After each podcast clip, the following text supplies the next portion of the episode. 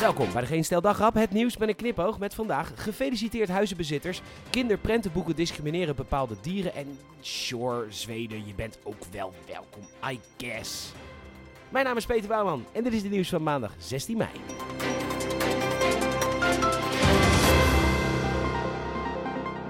Huizenbezitters die van hun huis af willen in de gemeente Westland kunnen in hun vuistjes knijpen van geluk. De gemeente wil startende huizenkopers helpen met een woonfonds. En met het geld uit dat fonds koopt de gemeente de grond van het huis en dat is vaak een derde van de prijs. Dus bij een huis van 3 ton betaalt de gemeente een ton en dan pacht je het als koper. Maar het trucje is eerder uitgehaald, namelijk met de jubelton. Die is er nog steeds geldig en het komt erop neer dat ouders hun kind een ton belastingvrij mogen schenken bij de aankoop van een huis. Goh, hebben die ouders dat liggen? Nou vaak wel, want het zijn boomers en die hebben hun eerste huis allemaal voor een ton in gulden gekocht, belegd toen het nog leuk was en die zijn over de afgelopen decennia wel een tonnetje of wat rijker geworden.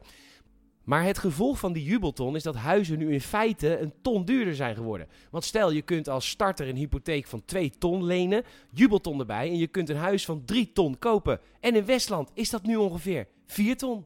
Gefeliciteerd!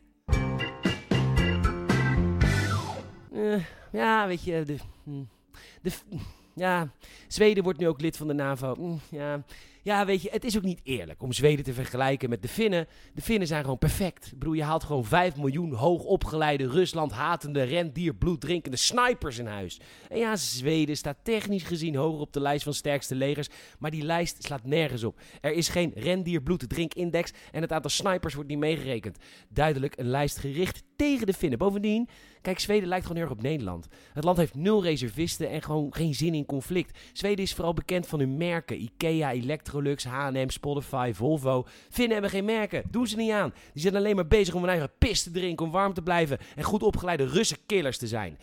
En dat kan de NAVO nu goed gebruiken. Maar weet je wel, welkom. Welkom Zweden. Welkom.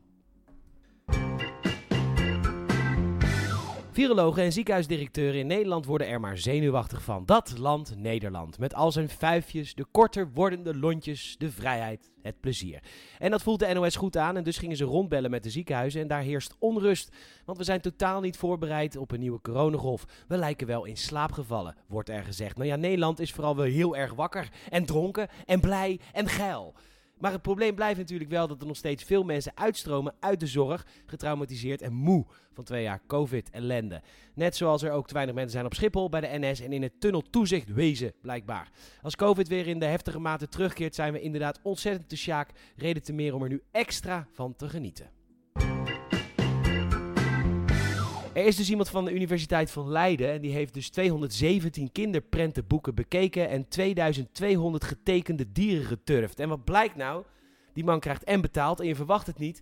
De prentenboeken zijn niet divers genoeg. Nee, te weinig dierensoorten. Vooral de hond, de kat, het paard, het varken en exotische dieren als de beer, de tijger, de olifant en de pimpelmees dan. Nou ja, vogels hebben sowieso echt een groot probleem hè, in kinderprentenboeken. Want ja, een tijger wordt dan bijvoorbeeld een tijger genoemd, maar een vogel wordt dan een vogel genoemd en niet specifiek de pimpelmees. Hetzelfde geldt voor vissen. Dat is dan vaak een vis en geen Zuid-Chinese tijgervis.